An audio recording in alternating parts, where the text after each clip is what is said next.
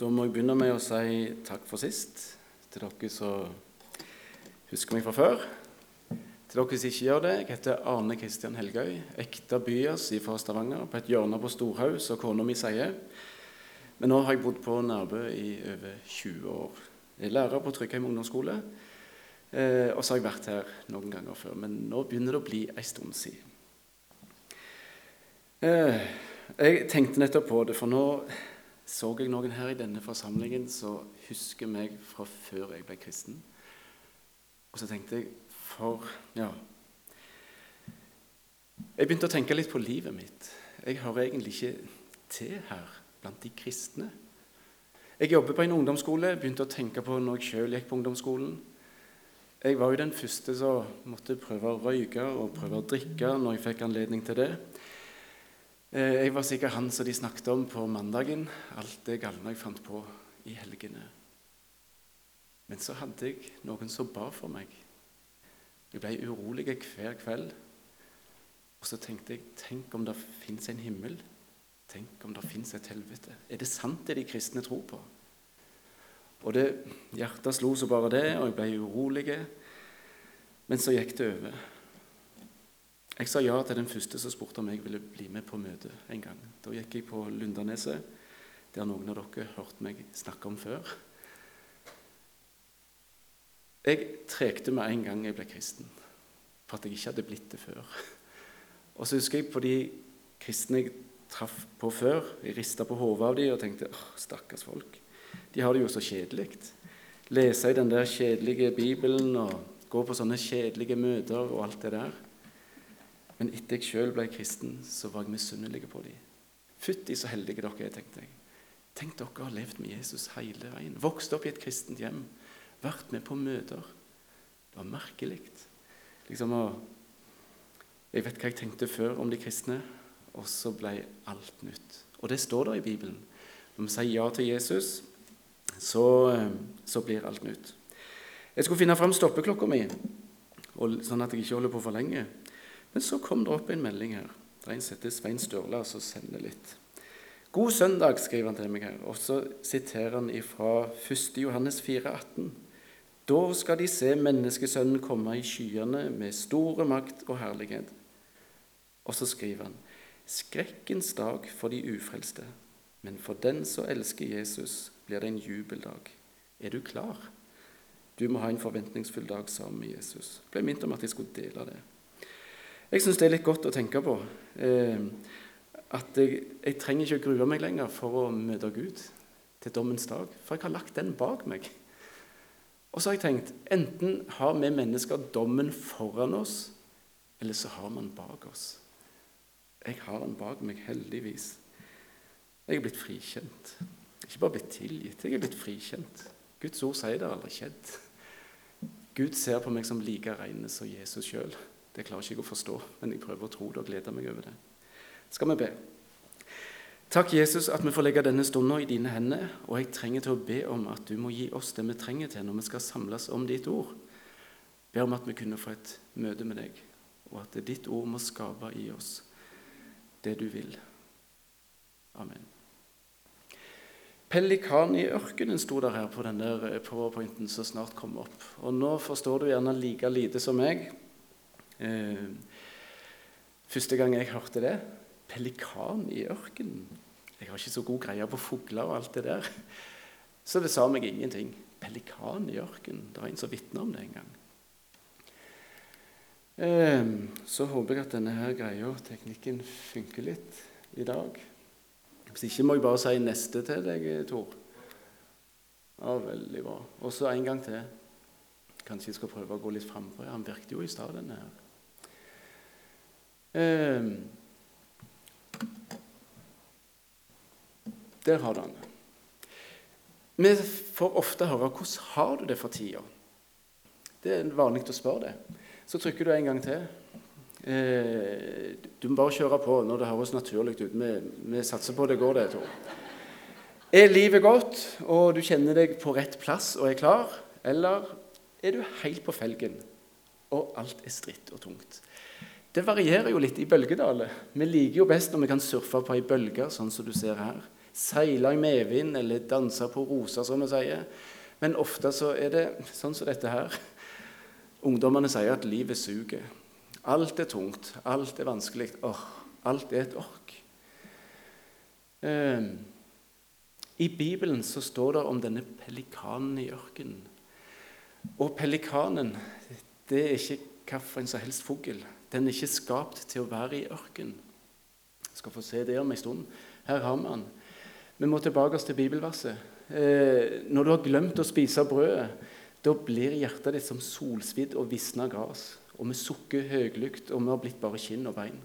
Jeg ligner på pelikanen i ørkenen. Du er på helt feil plass.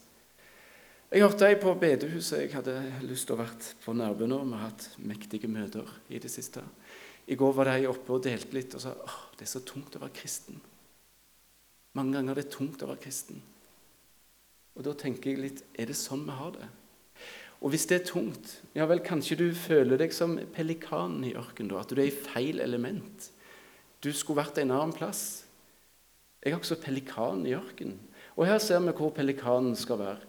Den hører ikke hjemme i ørkenen, den skal være med sjøen. Han har summehud imellom teten, holdt jeg på å si. Og se bildet oppe til høyre. Der ser du han har nettopp tok en fisk. Sånn skal vi ha det. Eller sånn som det står på neste bilde her.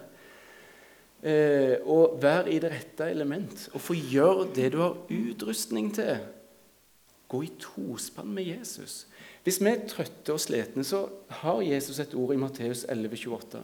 Kom til meg, du som strever tungt å bære, så vil jeg gi deg hvile. Men så stemmer det ikke med det som kommer etterpå.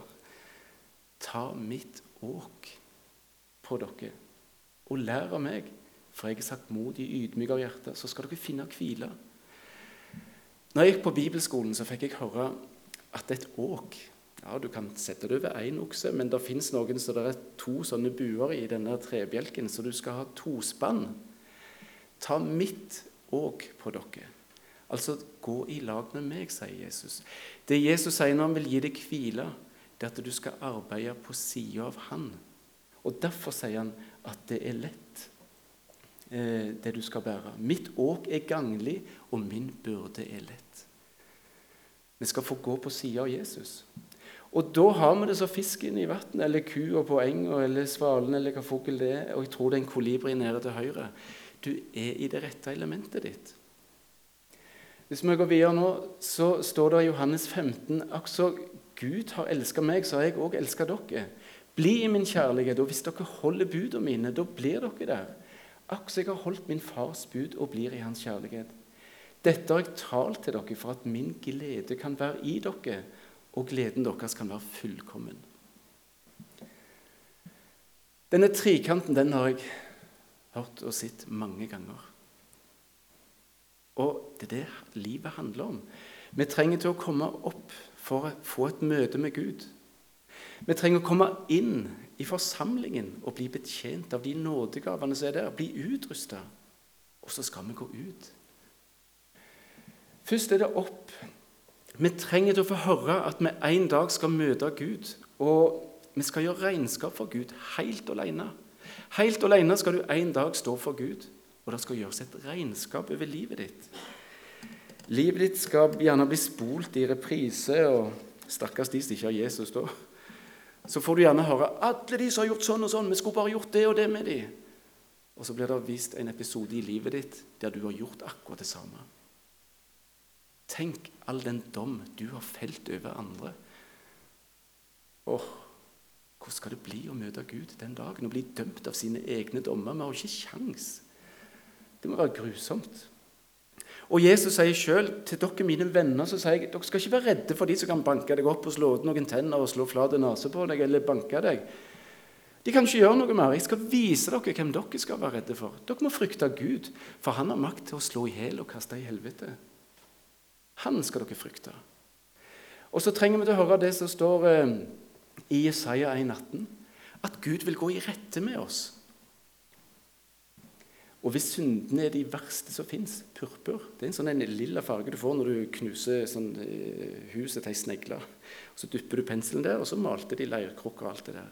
Det var den verste fargen å få vekk. Sølte du litt av det, så gikk det aldri vekk. Ennå finner geologene potteskår med den der purpurfargen på. Og vi forstår bildet. Hvis syndene dine er de verste som fins, så skal de bli hvite som snø. Om de er røde, så skal lagen, så skal de bli akkurat så hvitt ull. Så får vi høre om Gud at han har lyst til å finne sannhet i ditt og mitt hjerte. Vi hadde hatt et problem hvis det sto renhet. Da hadde vi ikke hatt sjans. Men han har lyst til å finne sannhet i hjertene våre. Og den som gjør sannheten, kommer til lyset for at hans gjerninger skal bli åpenbart. Nå nærmer vi oss den der fantastiske tida når vinteren er ferdig og den skarpe vårsola kommer. Hva skjer da når vi trekker fra vinduene og deilig med sol, og så ser du alt støvet du ikke har sett i hele vinter? Da er det mange som får det travelt. Du kjenner det igjen. Kan ikke bare trekke for gardinene, så slipper du det. Men du, sånn er det mange som gjør i møte med Guds ord. For det er ubehagelig å få se synd i livet sitt. Men Gud vil at vi skal slippe lyset inn, at vi skal få se. Vi skal komme til Han. Og så har han lyst til å vise oss at han har utsletta skyldbrevet som gikk oss imot. Det tok han vekk da han nagla det til korset. Når du får et møte med Gud, så får vi høre dette her. Og ordet som jeg er så glad i, det er Romerne 5 og vers 10. Hvis du og jeg ble forlikt med Gud ved hans sønns død, og vi var fiender, så skal vi så mye mer bli frelst ved hans liv. Jeg har hørt om Øyvind Andersen som snakker om at det, det å bli kristen det er egentlig som et stort plassbytte. Se for deg at det, det er ei bok om ditt liv. Kall det gjerne en DVD-film. Vi kan se alt du har gjort, høre alt du har sagt og lese alt du har tenkt i hodet ditt. Det står som ei tekststripe helt nederst. Her er livet ditt. Skal vi putte det inn i DVD-maskinen, og så Nei, du vil ikke det. Men her står du. Her er litt liv. Her står Jesus, og her er Jesus sitt liv. Jesus prøver å få kontakt med alle, og så prøver han å si en dag så skal Gud holde dom over livet ditt. Hvis du møter Gud med ditt liv, så går det deg evig gale. Men hvis du vil, så kan du bytte plass med meg. Når jeg var 18 år, så fikk jeg jo se at det å være kristen det var ikke å få til noe, fikse på dette her, men det var jo å få noe. For så har Gud elska verden at han ga sin sønn. Gud ønsker å gi Jesus til deg og meg. Jeg har fisherman i lomma mi. Hvis jeg spør deg vil du ha en, hva sier du da? Da sier du enten ja eller så sier du nei. Jeg vet ikke om du liker fisherman. Nå gir Gud deg noe, så spør han vil du ha. Og Da må du si enten ja eller nei. Og hva gave er det Gud vil gi deg? Jo, for så har Gud elska at han ga sin sønn. For at hver den som tror på han ikke skal gå fortapt, men har evig liv. Så når du sier ja til Jesus, så er jo Jesus din. Alt er blitt nytt. Når jeg skal møte Gud en dag, så skal ikke jeg møte Gud og stå ansvarlig for mitt liv. Det har Jesus allerede gjort. Dommen ligger bak meg. Det var en dødsdom, men Jesus døde i stedet. Jeg er ikke død ennå, dere ser det. Men når jeg skal møte Gud en dag, så skal jeg møte Gud helt alene. Jeg skal la dom over mitt liv. Har Arne Kristian stjålet? Har han løyet? Har han gjort? Og så skal det bli sagt Arne Kristian, jeg ser du har prøvd i alt, men uten synd. Og det er det som står i Romane 5.10. Jeg skal bli frelst ved hans liv. Er ikke? Det er det å være kristen. Ikke å få til noe, men å få noe. Så når du merker ting i livet ditt som ikke er som det skal være, kan du ikke bare skrive det på den kontoen og takke for at det òg var med. Du har ikke blitt klar over det før nå, men det var jo der, det òg. Alle de som tok imot ham, de som tar imot Guds gave, de har Gud gitt retten til å bli Guds barn. Her er det snakk om å bli født på ny. Når du tar imot Jesus, så sier Guds ord at du er Guds barn. Du har fått arverett. Er du barn, så er du arving med Guds arvinger og Kristi medarvinger. Vi snakker om at Jesus han er førstegrøten, og det står om andregrøten og alt det der. Det er mye bønner her. Hva er forskjell på førsteslåtten og andreslåtten? Jesus er førsteslåtten, hvis du er med. Førstegrøten. Det er bare forskjell i tid. Vi sier jo at Jesus sitter ved Guds Faders høyre hånd. Vi er medarvinger til Han som sitter ved Guds Faders høyre hånd. Andreslåtten den skal komme om ei stund. Gresset er det samme. Det er bare forskjell i tid. går vi videre. Dere skulle hatt en skjerm bak der, så jeg slipper å snu meg hele veien. Det må dere ordne. Det pleier sikkert å være sånt, men ikke i dag. Så nå har vi vært oppe og hatt et møte med Gud. Og jeg håper at du har sagt ja til Jesus. Og nå er du en nyfødt baby som ikke kan noen ting. Tenk disse aller minste. De kan bare skrike. Verdens verste lyd, forresten. Du klarer ikke å slappe av når en baby griner. Jeg tror Gud har skapt oss sånn. For da må vi gi dem mat, vi må skifte i bleie, ja, de fryser gjerne. Vi må stoppe den der fæle lyden, for de kan bare skrike. Når du har vært hos Gud og fått et og blitt frelst, så er du en åndelig baby. Du kan ingenting. Derfor skal du inn i forsamlingen din. Bli betjent av andre nådegaver. Og Det står der i Bibelen vi må ikke holde oss vekke fra forsamlinga vår. Sånn som noen har for vane. Men la oss formane hverandre mye mer nå, så dere ser at dagen nærmer seg. Og så står det etter som enhver har fått en nådegave, så tjen hverandre med den. Som gode husholdere over Guds mangfoldige nåde. Og akkurat nå, nå må alle snu, snu seg og se på de andre. Bare, bare snu litt på hodet nå. Kom igjen, Øyvind. Se litt på de andre. Ser det ikke løgne ut? Ingen som ser normale ut, er det vel? Ingen som ligner på deg, sant? så alle er jo løgne her. De er ikke normale. Alle er forskjellige. Og Gud har gitt de til deg. Vi skal være forskjellige, men Gud har gitt oss til hverandre. Og I Bibelen så står det at Gud har gitt de du nettopp så på, en nådegave. Og den har du bruk for. Akkurat som kalven trenger melk ifra mora si. Det er ikke mora som trenger den melka. En nådegave det er en gave som du har fått av Gud, og du har i hvert fall ikke bruk for den, men det er de andre. Akkurat som epletreet. Hva skal vel det med eplene? Det er vi som trenger den. Og så videre. En nådegave det er en gave som Gud har sendt med deg til menigheten. Det er en gave som ikke du har bruk for, men de andre. Tok du den? Og her står det mye om nådegaver. Jeg vil ikke dere skal være uvitende om dette. Jeg vet Når dere var hedninger, så ble dere drogne og revne med til stumme avguder. Men derfor kunngjør hver gang dere ser det ordet 'kunngjør', da må du åpne ørene og øynene, alt som fins. Det er et kjempeviktig eh, budskap som kommer etterpå. Det ordet 'kunngjør' står. Det var det kongen gjorde før i Norge når han hadde kunngjøringer. Det var noe som var viktig at alle fikk høre. Derfor kunngjør jeg dere at ingen som taler i Guds ånd, eh, sier at 'forbanna er Jesus'. Og ingen kan si at Jesus er Herre uten i Den hellige ånd. Og Det er forskjell på nådegaver, men ånden er den samme. Og så er det forskjell på tjenester, men Herren er den samme. Og det er forskjell på kraftige virkninger. Prøv å se for deg en konge som lager i stand et selskap. En han får oppgave om å gjøre det. En annen skal gjøre noe annet. Og den må gjøre det. Kongen har oversikt. Alt må bli gjort. Det er forskjell, men ånden er den samme. Forskjell på tjenester, men Herren er den samme. Det må bli gjort. Ja, vi er forskjellige, og vi skal gjøre forskjellige ting. Men det er den samme Gud som har bedt oss om å gjøre det. Men Åndens åpenbarelse blir gitt enhver etter så det er tjenlig. Og så går vi bare videre.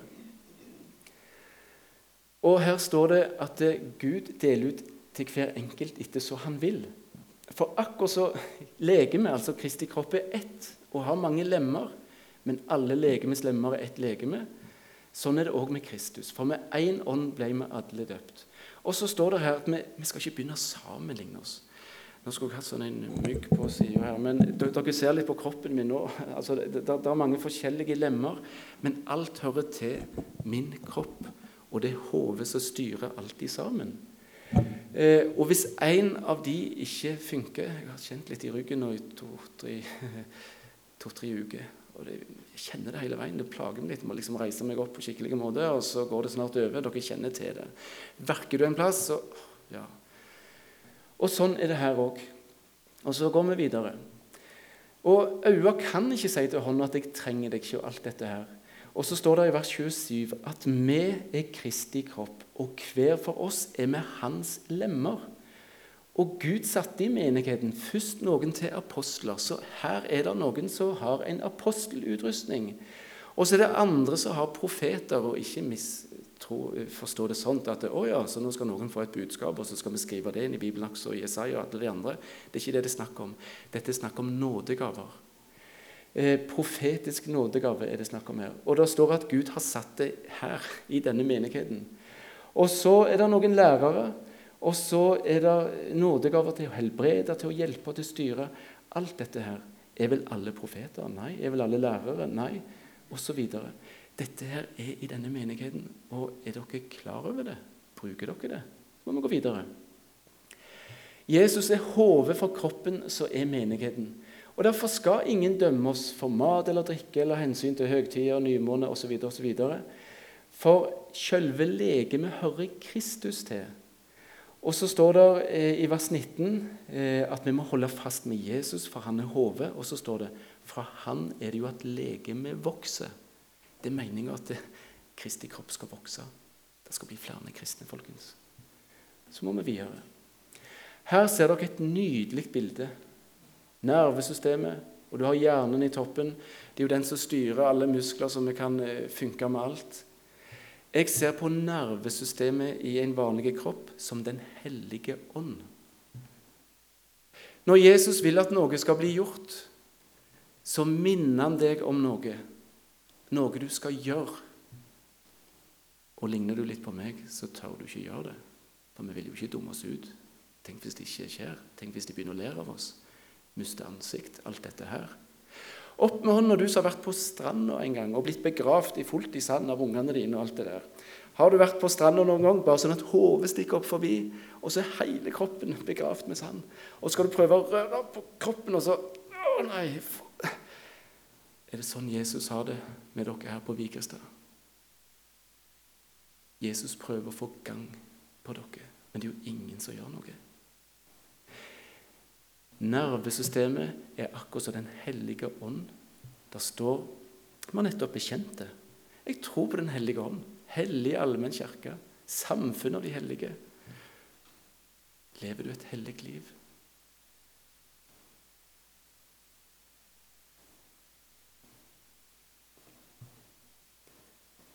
Vi må gå videre. Her står det videre apostler, evangelister, hyrder og lærere og vi skal tjene hverandre. Og vers 16.: Ved ham blir hele legemet sammenføyd, holdt sammen med hvert støttende bånd. Så går vi videre. Her har vi de som vi fant her, disse fem som skal være i hver menighet. Der sto det. Jesus han har satt det i menigheten. Evangelisten er det ikke den som når, lengst inn. Det er den det klør deg i øret med, Jon Arvid. Er det ikke vel? Den når lengst inn. Det er evangelisten. Den når inn. Har så lett for å nå inn til de ikke-kristne. Ringfingeren, det er hyrdeutrustninga, det. Trøst, omsorg, den trofaste. Bannefingeren, som ungene sier, eller læreren, blir ofte oppfatta sånn. Oh, alltid skal de rette Nei, det er ikke sånn det står. Det står jo at Så det er mange som ikke liker den der lærerutrustninga, som alltid skal rette på de andre. Men det er en viktig nådegave, det òg. Pekefingeren. Det er profeten som viser vei. Får han de andre med seg? Tommel, det er apostelen. Det er den som har lettest å ha kontakt med alle. Nå skal vi ha litt fingergymnastikk, folkens. Klarer dere å ta pekefingeren og lillefingeren i lag? Nå skal alle gjøre det. Kom an. Pekefinger Kom igjen. Har du gjort det før, det, forresten? Det er ikke så lett, Kenneth. Kjenner du det? Var det, var det lett? Nei. Skal vi prøve på eh, eh langfingeren og lillefingeren? Nei, de liker heller ikke hverandre. De har lite kontakt, de òg. Men de to ja, ja, ja, ja. Her var det lett. Men det er noen her som har litt vanskelig og ikke så mye lag. Nå skal vi gjøre et annet eksperiment. Kan dere legge fingeren på låret deres, og så holder dere knokene ned sånn, og så prøver du å lufte fingeren? Jeg klarer det ikke. Du kan prøve med ringfingeren òg. Det er viktig at du gjør dette på låret ditt nå. Legger de knokene ned, og så har du den fram. Klarer du å lufte den? Har ikke kjangs. Det forteller meg at vi kan sette noen nådegaver i en sånn en posisjon at de blir helt handlingslamma. De får ikke gjort det de var skapt til og utrusta til. Og enda verre, skal vi ha stemmerett her, hva er mest normalt? Er det å bøye seg den veien, eller er det å bøye seg den veien? Ja, Skal vi stemme over det? Dette er mest normalt. Nei, nei, nei, det er den. Ja, du er bare én. Vi vant. Skyv ut den. Vi må ikke holde på sånt. Det skal være forskjellig. Og når de fingrene blir styrt av min hjerne, så er det et fantastisk redskap. Jeg kunne ikke vært uten noen av de. Og sånt er det med nådegavene òg. Vi må anerkjenne hverandre og forskjellen. Det var i en byforsamling. Der var det en som var evangelistutrusta. Han trakk for gardinene, sånn at alle ute på torget der skulle få se inn hvordan de hadde det på møtet. Mens han der pastoren han gikk og trakk for gardinen. Vi er ikke noe sånn underholdning her for de som drikker seg fulle og alt det der. Og han ene var så fornøyd. Det var jo 75 på møtet i dag. Evangelisten. Åh, det var jo 18 ledige steder. Hvorfor har vi ikke møte ute på torget? Og så var det et medarbeidermøte. Så sto han ene og sa det er ingen i Guds rike som er så frustrert og irritert og har vært sinte på som deg. For du gjør motsatt av meg hele veien. Men så har Gud vist meg at jeg trenger deg. Og jeg må bare si velsigne deg, og du må fortsette med det Gud minner deg om å gjøre. Dette er viktig. For de er forskjellige, men vi trenger hverandre. Så må vi gå videre. I Lukas 6 og 46 Jeg tror alle dere vil si at Jesus er herre i livet mitt. Men hvorfor gjør du ikke det Jesus minner deg om, da? Jeg snakker til meg sjøl òg. Jeg er redd for å dumme meg ut. Av og til så spør jeg meg når følte du deg sist åndelig levende, Arne Kristian? Når jeg gikk på Lundaneset og blitt, gikk i andre klasse, så fikk jeg russakort av en som gikk over meg. Og så skrev han noe sånn spesielt, at det var så bra at jeg var blitt kristen, og det hadde betydd mye for han. Og så snakket jeg med han. Når du begynte her, så ble jeg minnet om at jeg skulle gå bort til deg og spørre om du ville være med på møtet. Men jeg visste at du jobbet på et diskotek, og at du ikke var kristen. Eh, og jeg kjente jo ingen på Lundaneset, og den tida var det veldig sunt å røyke. Så i friminuttet så sto jeg for meg sjøl og rullte røyk og hadde dongerijakke med skinnvest utpå. Sto der og så på de andre, for jeg kjente jo ingen andre. Nei, det nytter ikke med Arne Kristian. Så tørde jeg ikke. Så var det en dag, da var jeg med kameraten min, og så sa han Hei, her må du hilse på May-Britt. Jeg går i klasse med henne. Må hilse på henne. Jeg hilste på May-Britt. 'Hei, jeg heter May-Britt.' Ja, Arne Kristian. 'Er du kristen?' Oi. Det spørsmålet hadde jeg aldri fått før. 'Nei, jeg er ikke det.' 'Å nei. Har du lyst til å være med på møte i morgen?' Der er møte hver torsdag. Så tenkte jeg første gang i treffene Jeg kan ikke si nei. Så ja, jo, jeg kan sikkert det. På det møtet hørte jeg Guds stemme for første gang. Jeg vet ikke hvem som var talt engang. Men det var bare en stemme som sa inni meg 'Dette er sannheten'. Dette må du bruke mer tid på. Du må gå mer på møte. Dette er sannheten. Akkurat det ordet kom til meg. Så måtte jeg gå igjen og igjen. Og så var det han som fikk problemer, for han var blitt minnet om å gå til meg, men han gjorde det ikke. Jeg sa ja til den første som spurte om jeg ville være med på møtet. Jeg var klar. Farmor hadde bedt i alle år. Hver kveld så lå jeg. Kjære Jesus, du ser jeg tror ikke noe på deg, og ikke tror det fins en himmel eller helvete heller. Men hvis du fins, og hvis det er en himmel, så vil jeg jo komme der. Da må du få meg til å bli kristen. Kan du sende noen som kan hjelpe meg? Sånn ba jeg, selv om jeg var fotløs. Hvorfor kaller dere meg Herre, Herre, og så gjør dere ikke det jeg sier? Så går vi videre. Dattera mi går i Oslo, og hun hørte på et møte en gang ei som sa på det bedehuset der jeg vokste opp, der hørte jeg om Gud, og jeg lærte om Gud, Jesus og Den hemmelige ånd. Det skal ikke være sånt. Tenk om dere her på Vikestad jeg prøver å si det der jeg også er, kunne fått en kultur for å si til hverandre Hva har Gud mint deg om i det siste? Ikke om han har det, men hva har han mint deg om? Og så kan dere snakke om det. Og så kan den andre være med å be om at du skal våge å gjøre det. Hvis du blir minnet av Gud om å gjøre noe neste gang, begynn å si det til andre kristne, sånn at de kan være med å be. For da får du litt ekstra press på å gjøre det. Henger du med? Og det skjer ikke noe før du begynner. Og hva er det verste som kan skje? At du rødmer litt, skjems litt. Føler du Ja vel, og så? Gjør det noe? Så kommer vi videre. Hver bok i Skrifta er innblåst av Gud og nyttig til opplæring og tilrettevisning, veiledning og oppdragelse. Så det mennesket som tilhører Gud, kan være fullt utrusta til all god gjerning. Husker du begynnelsen av det vi begynte med i dag? Det kan være at du er på feil plass. Du gjør gjerne en jobb som en fot skulle hatt, og du var et øre. Beundrer deg at du har holdt ut helt til nå. Kan det være at du holder på med ting du ikke har utrustning for å holde på med? Einar, om du sitter og puster nå, akkurat nå Om du tenkte for ett minutt siden nå må jeg ikke glemme å puste, for da dør jeg. Tenkte du det? Du bare gjorde det, gjorde du ikke vel? Uten å tenke deg om. Sånn tror jeg det er når du gjør noe du har utrustning for i Guds rike. Du bare gjør det. Og det koster deg ingenting i det hele. Du har jo utrustning til det. Men hvis du gjør noe som er slitsomt, det er fordi du ikke har utrustning. Ta mitt òg på dere, for det er lett og tjenlig. Lasarus har nettopp fått høre 'Lasarus, kom ut!' Jesus har ropt på han. Han var død på tredje dagen. Så kom han ut, fullt i liksvøp rundt seg. Og så sier Jesus, 'Løs han og la han gå'. Kan det være at du er sånn bonden? Det er liv i deg, men det er så mye som binder, så du får ikke bruke kroppen din sånn som den skulle være. Kanskje vi må hjelpe hverandre til det? Løse noen bånd, så går vi videre. Johannes Kvalheim han sa det. 'Jeg tror jeg har fått nådegave til å skrive brev.' Står det i Bibelen? Jeg har ikke lest det. Meg og kona mi fikk et brev av Johannes Kvalheim når hun hadde kreft, bodde på Flekkerøy. Da ble det fest i stua. Det var standardbrev. Dette er brevet jeg skriver til de av mine venner og kjente som jeg har fått hørt sliter med sykdom. Og så var det mange bibelvers. det var noe han hadde kopiert, Men så hadde han skrevet nesten et halvt, halve side for hånd. Britt-Linn, nå må du be Arne Kristian finne sangboka. Slå opp på side eh, og, og, det tredje verset i den sangen. Be han gjerne om å synge den for deg òg. Og så skrev han sånn som dette her.